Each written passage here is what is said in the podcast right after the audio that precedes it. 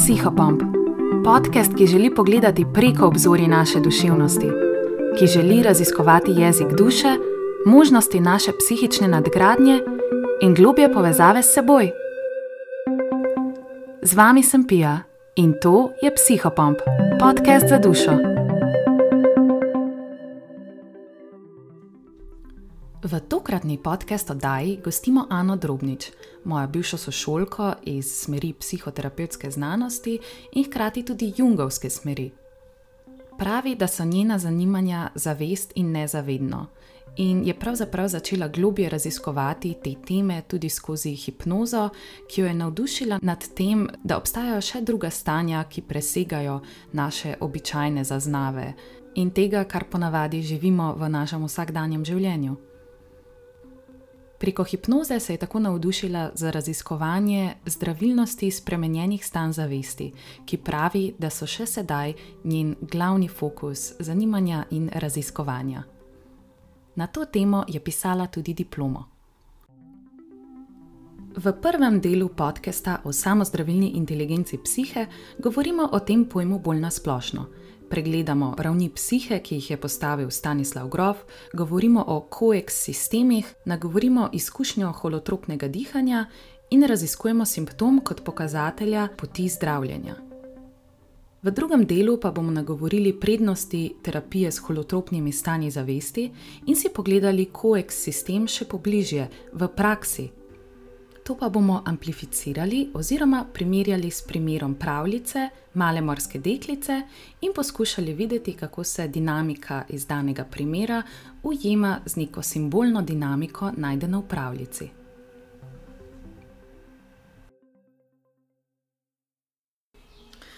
Ana, kakšno bi rekla, da so razlike med se pravi klasično, neko verbalno psihoterapijo? Pa takšno psihoterapijo, kot jo transpersonalna. Razlika med klasičnimi verbalnimi psihoterapijami in delo z holotropnimi stanji se razlikuje prav v tem, da je tukaj zdaj ta samozdravilna inteligenca psihe. Ona je glavna, ni terapeut glaven. Ti, ki prideš v, vem, na analizo, na neko verbalno terapijo, prideš tja, ja, jaz imam težave s tem, pa s tem, in potem te terapeut proba voditi tja, ko on misli, da ti rabiš id. To pa zelo vpliva, kdo je ta oseba, kjero mhm. psihoterapevtsko šolo je izbral, ko vemo, da se že med sabo psihoterapevtske šole klešajo, in pa seveda kultura. Zelo vpliva na to, kako bo on dojemal tebe in tvoje simptome. In to je lahko zelo napačno. Ko pa delamo v spremenjenih stanjih zavesti, imamo pa to samozdravilno inteligenco, ki pa sama točno vidi, mm. kje je težava in te ona sama vodi. Razlika je tudi v tem, da si ti tukaj aktiven v svojem zdravljenju, si si tudi drugačko na terapijah aktiven, ampak vsem imaš rešitelja pred sabo. Mm. Tukaj boš pa ti sam sebe ozdravil in to je tako opolnomočenje, da vsi, ki so prišli iz terapij, ki so imeli v spremenjenih stanjih zavesti, vsi so govorili, kaj je največ jim dal, jim je dal to, da so ponovno začutili moč, da imajo vajeti v svojih rokah. Mm. In to je to ključno pri kjerkoli zdravitvi, ker zelo radi smo žrtve okoliščin, žrtve ne vem, samega sebe. Mm. Kaj pa ti vidiš, da v bistvu si ti čiz možen vse sam narediti, sam da se lepo prepustiš in se ozdraviš, je to samo po sebi zelo zdravilno. No? Ti prehran tudi čas, pa denar. Da ne hodiš k napačnim terapeutom, ki imajo napačna prepričanja, kot ti. Greš tako tja, mislim, na neko tako terapijo in je za tebe, je tvoja, tebi individualno narejena hmm. in ne more iti na robe. To veliko ljudi primerja, recimo, holotropno dihanje z petimi leti terapije, hmm. da je to tako intenzivno. Pri verbalnih terapijah vse je racionalno, več ali manj racionalno, čeprav zdaj imamo že globinske, kot je Jungovska in to, kjer se dela tudi čustvi in se tudi bioenergetske stvari razrešujejo. Ampak rečemo te klasične verbalne terapije, je samo racionalno. To je pa premalo da se razčistijo, da se lih te nakopičene energije v telesu, ki so razblinijo. In zaradi tega je to dobro, ker imaš zdravljenje na vseh ravneh. Energetsko se zelo prečistilo.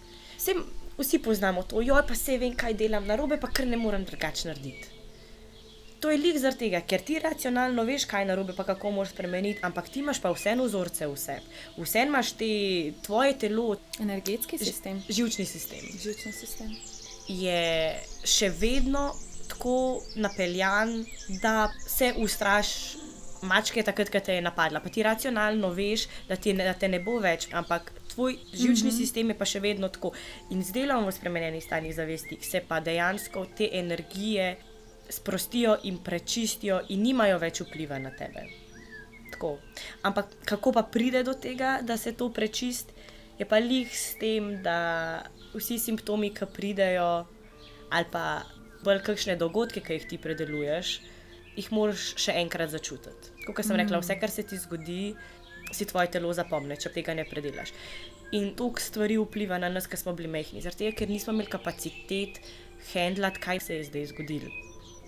Mi dve lahko, če smo na klasični verbalni terapiji, lahko govoriva, kaj se je dogajalo ne vem, z mojim odnosom z mami. Jaz bi pa v holotropnem stanju zavesti dejansko podoživela nek traumatični dogodek, ki se mi je zgodil, ampak bi se ozdravila. Zakaj? Prvi, zaradi tega, ker bi regresirala bi v tisto stanje otroka in bi bila pač v tistem trenutku s tistimi čustvi, s tistimi občutki, kar je pa drugače, pa to, da imam zraven še drug del sebe in to je odrasel del Ane, ki pa lahko handla to situacijo, ki jo takrat ni znal.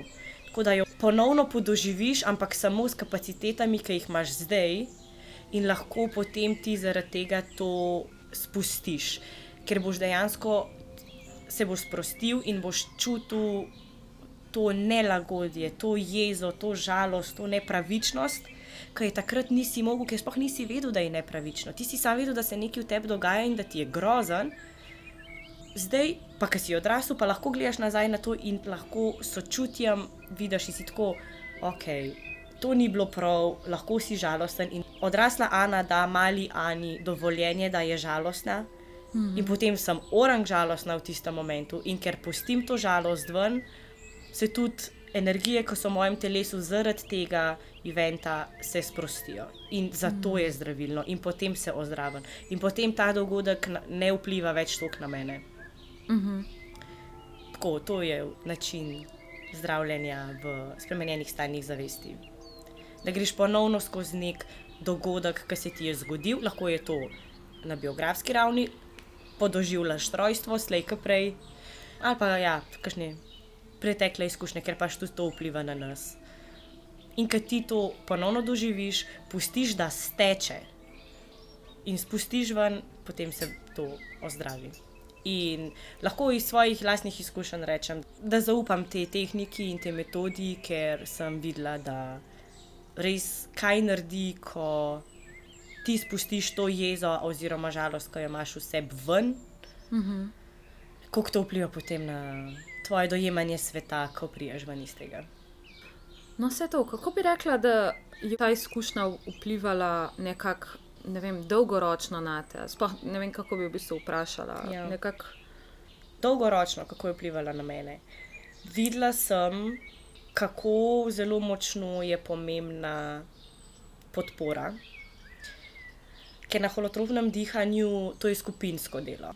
In za me je bilo najbolj zdravilno to, da sem imela podporo 15 ljudi okoli mene. 15 ljudi je za mene držal prostor, ko sem predelovala stvari iz življenja, ki so mi bile zelo težke. Ker si še sama nisem pustila tega prostora, da mi je 15 ljudi držal ta prostor in da sem bila po tem, ko so videli, kako sem v nerekovajih grozen človek, ko sem se počutila, da so še vedno na koncu prišli do mene in so mi rekli, kako sem fajn, kako sem močna, kako je super je bilo to za mene najbolj zdravilno. Mm. Podpora. Tako da to nosim vsak dan naprej in tudi želim vedno bolj podpirati tudi druge ljudi, da je ok, taki, ki so, oziroma da je ok, da so slabo. Ker meni ni bilo dovoljeno, da, je, da, da sem slabe volje, oziroma da nekaj ni ok. Mm. In mi je dal zelo korektivno izkušnjo to, da sem v tistem stanju, ki sem bila v spremenjenem stanju zavesti, da sem dobila to podporo, sem dobila korektivno izkušnjo na to neko travmo. Ja, mogoče na tej točki samo da za poslušalce se pravi. Korektivna izkušnja je nekaj, kar že spet uporabljamo v enih psihoterapevtskih vodah in govori o tem, da smo mogoče v otroštvu ali pa enkrat prej imeli neko izkušnjo, ki nas je na nek način zaznamovala. V slabem um, smislu. V slabem smislu, ja.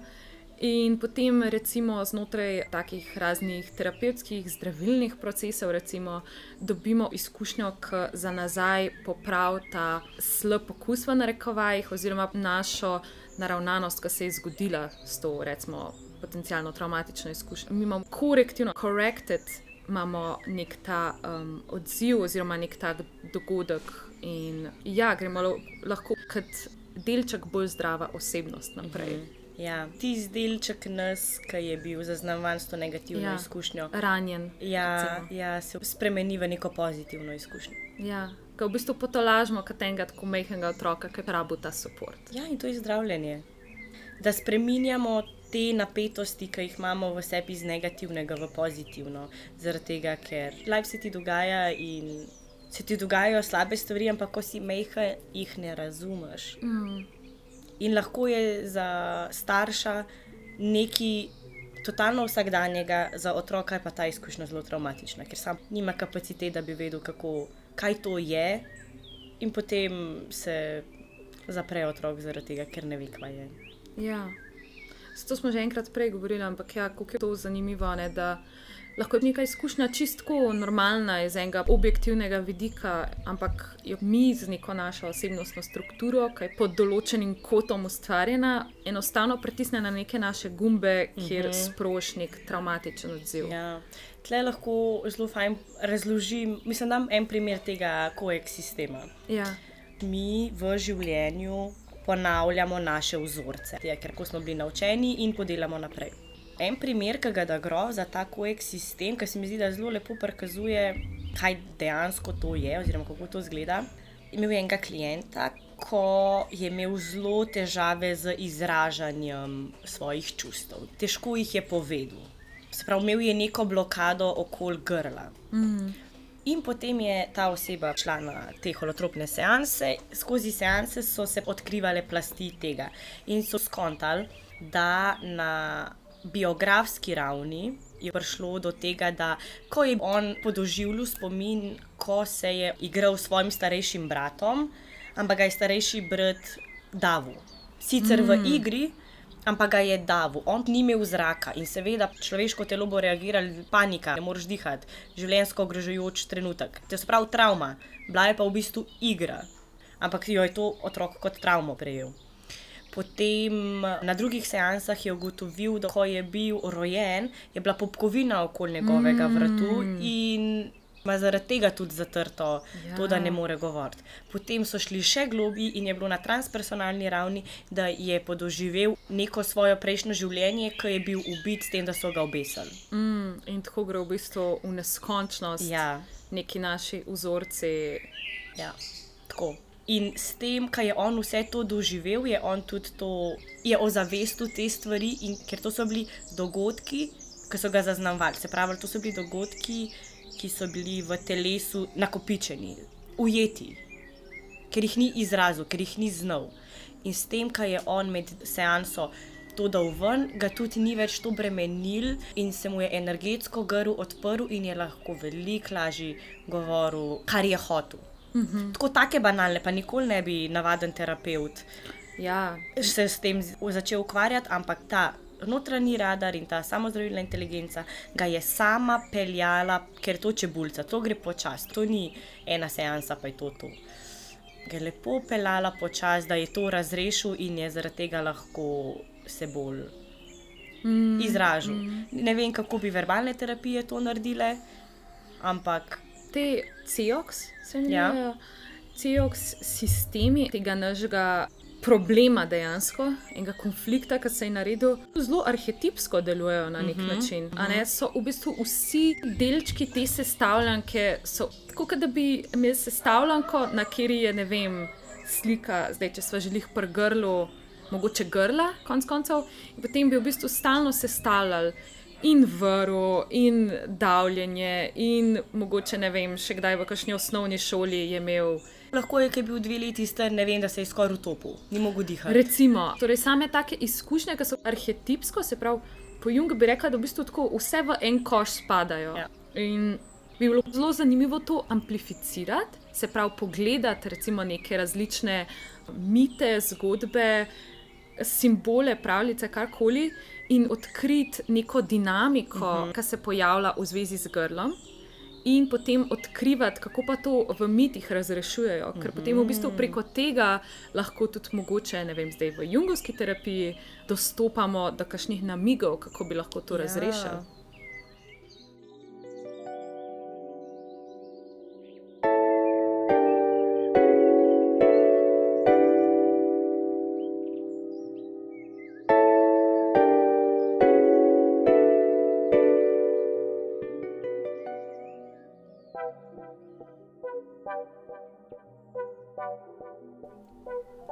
Pravljica, ki jo bomo pogledali in se po moji lastni interpretaciji sicer navezuje tudi na grlo, je Mala morska deklica.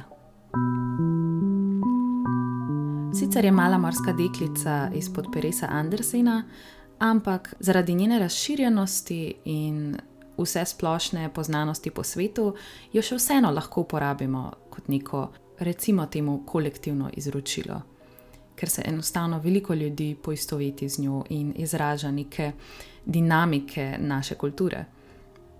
Ta del bo zdaj mogoče malo bolj kompleksen, tako da tisti, ki vas zanima jungovska psihologija, sploh pa interpretacija pravljic, zelo lepo dobrodošli. Tole je zdaj definitivno za vas.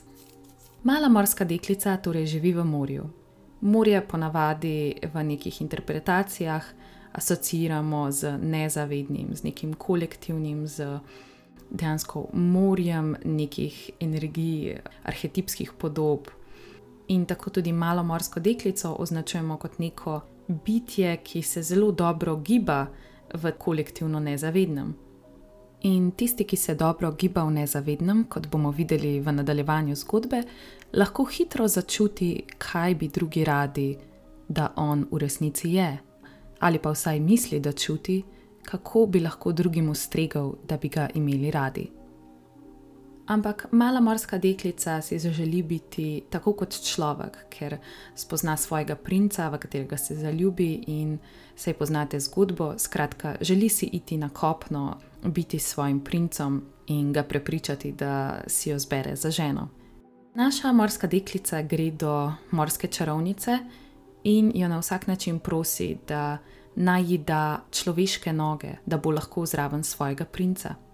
Morska čarovnica je to željo izpolne, ampak za zelo visoko ceno in ta cena, kot veste, je njen glas, torej glas male morske deklice, ki pa vsem morju odzvanja kot eden izmed najlepših glasov, torej njen pravi izraz je nekaj neizmerno lepega, neizmerno harmoničnega in tudi zaželenega v tem okolju, kjer ona je, torej v morju. Ampak naša morska deklica si želi nekam, kjer ni njeno okolje, nekam, kamor dejansko ne spada, kar lahko tudi izraža neke naše. Potrebe, želje, da se umestimo v neko okolje, kjer si blazno želimo biti, ampak enostavno nismo primerni za tisto okolje, oziroma nas tisto okolje ne sprejema takšne, kot smo, lahko slabo vpliva na nas ali še kaj tretjega. Tukaj pridemo do simbola grla. Torej, ne samo, da mala morska deklica izgubi svoj glas, metaforično dejansko to predstavlja to, da neha biti to, kar v resnici je. Torej, če slučajno poznate indijsko izročilo, je v področju grla grlena čakra, ki nosi funkcijo tega, da lahko izražamo sami sebe, takšne kot smo v resnici. Hkrati pa lahko na to navežemo tudi pomen nekega zadrževanja čustev, mogoče, kot se je zgodilo klientu grofa. verjetno pa tudi naši mali morski deklici. Mala morska deklica torej dobi svoje človeške noge in gre na kopno, kjer poskuša pridobiti princa. Del tega dogovora je tudi to, da če ji spodleti v tej njeni nalogi, da pridobi princa, in če se princ poroči z drugo, se bo spremenila v morsko peno. Princ v tej pravljici dejansko predstavlja kot neko nasprotje, torej, seveda, arhetipsko nasprotje. V pravljicah je ta dinamika, da se mora žensko združiti z moškim, zato da pridemo do neke celovitosti. Se pravi, princ je kot nek cilj do celovitosti. In ta naloga, da pridobi princa, oziroma da ga ne pridobi, je torej naloga, da postane celovita osebnost, če pogledamo pravljico kot neko dinamiko, ki opisuje proces neke osebnosti. V pravljici je tudi rečeno, da čeprav je na kopnem jo vsak korak z njenimi zdaj človeškimi nogami boli, kot da bi hodila po črepinjah. Tudi to izraža dodatno bolečino ob tem, ko se pretvarjamo, da smo nekaj, kar nismo, ko si želimo za katerikoli razlog postati in biti nekaj zase ali za nekoga drugega, ampak to v resnici nismo. In seveda na koncu se princ tudi ne odloči za njo, ampak se poroči z drugo. In pravljica govori o tem, da če izberemo, da bomo nekdo, ki nismo, naša notranja integracija, naša notranja celovitost ne more biti dosežena, je dejansko obsojena na propad, zaradi tega, ker Ne more se naša polovica, recimo zdaj temu tako, se pravi naš princ oziroma naš notranji moški del, združiti z našim ženskim delom, če je eden izmed teh delov v narekovajih ponarejen, torej ni zares pravi, ampak ima neko prevleko, ne sprejema sebe ali izraža sebe takšnega, kot je v resnici. In mala morska deklica se na koncu res spremeni v morsko peno, ker se princ poroči z drugo žensko. To lahko interpretiramo tudi tako, da če ustrajamo v nekem svojem pretvarjanju, tudi če je to popolnoma ne slabo namerno, če je to nekaj, iz česar ne moremo iti, če ustrajamo v tem, dejansko podaljšujemo nek notranji konflikt znotraj nas. In morje, kot smo rekli, kot naše nezavedno oziroma nezavedno kolektiva nas potem požre, tako kot malo morsko deklico spremeni v peno.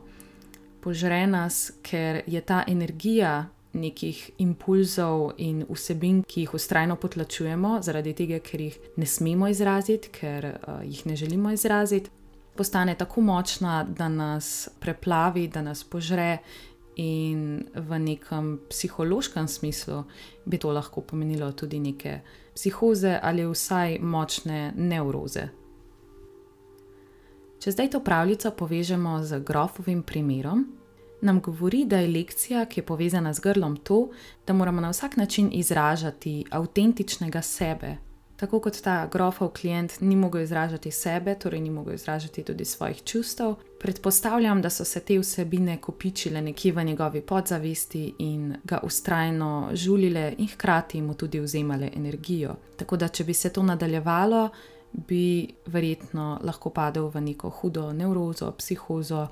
Verjetno pa se je to tudi že začelo, če ne, ne bi poiskal pomoči in terapije.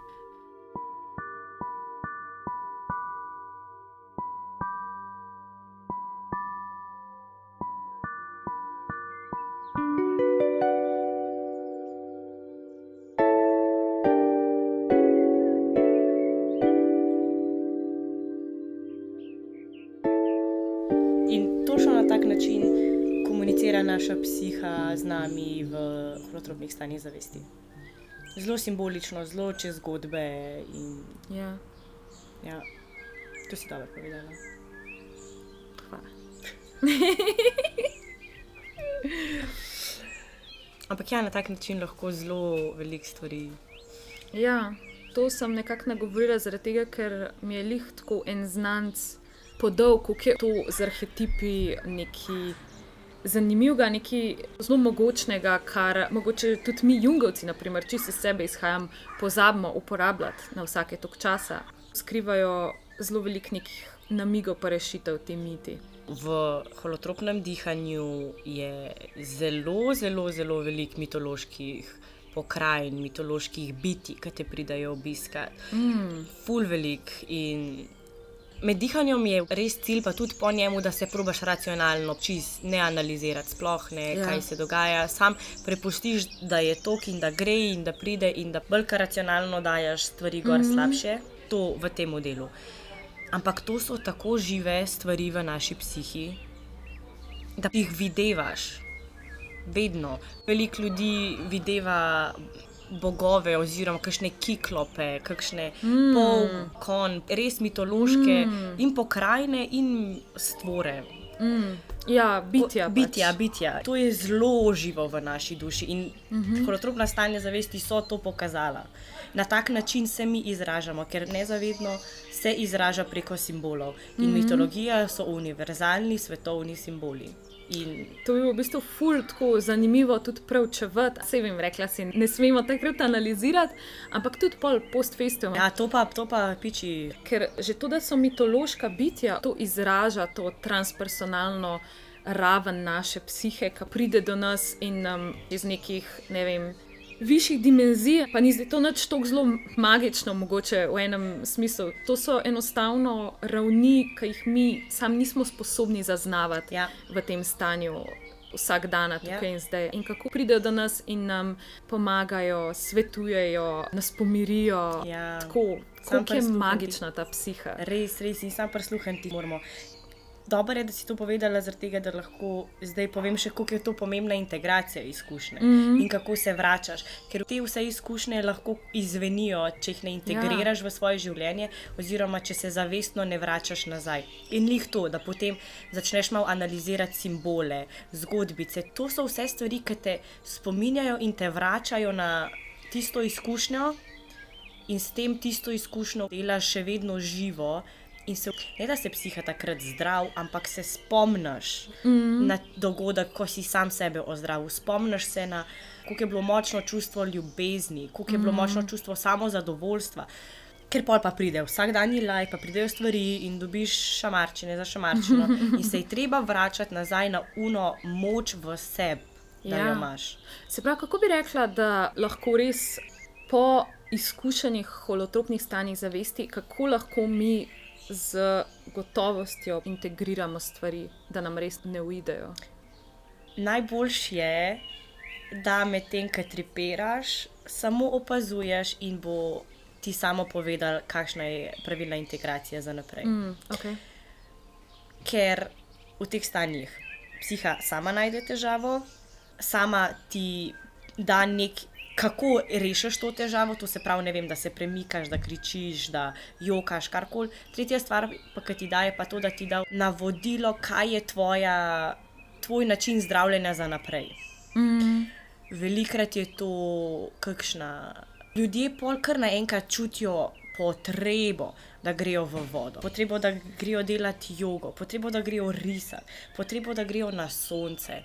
Samo mm -hmm. Moraš prisluhniti. Samo prisluhniti sam sebi, kaj ti takrat v tistem trenutku rabiš mm -hmm. in to je najboljš. Drugač pa zelo fajn je itak takoj po kakšni taki izkušnji, da narišeš kakšno mandalo.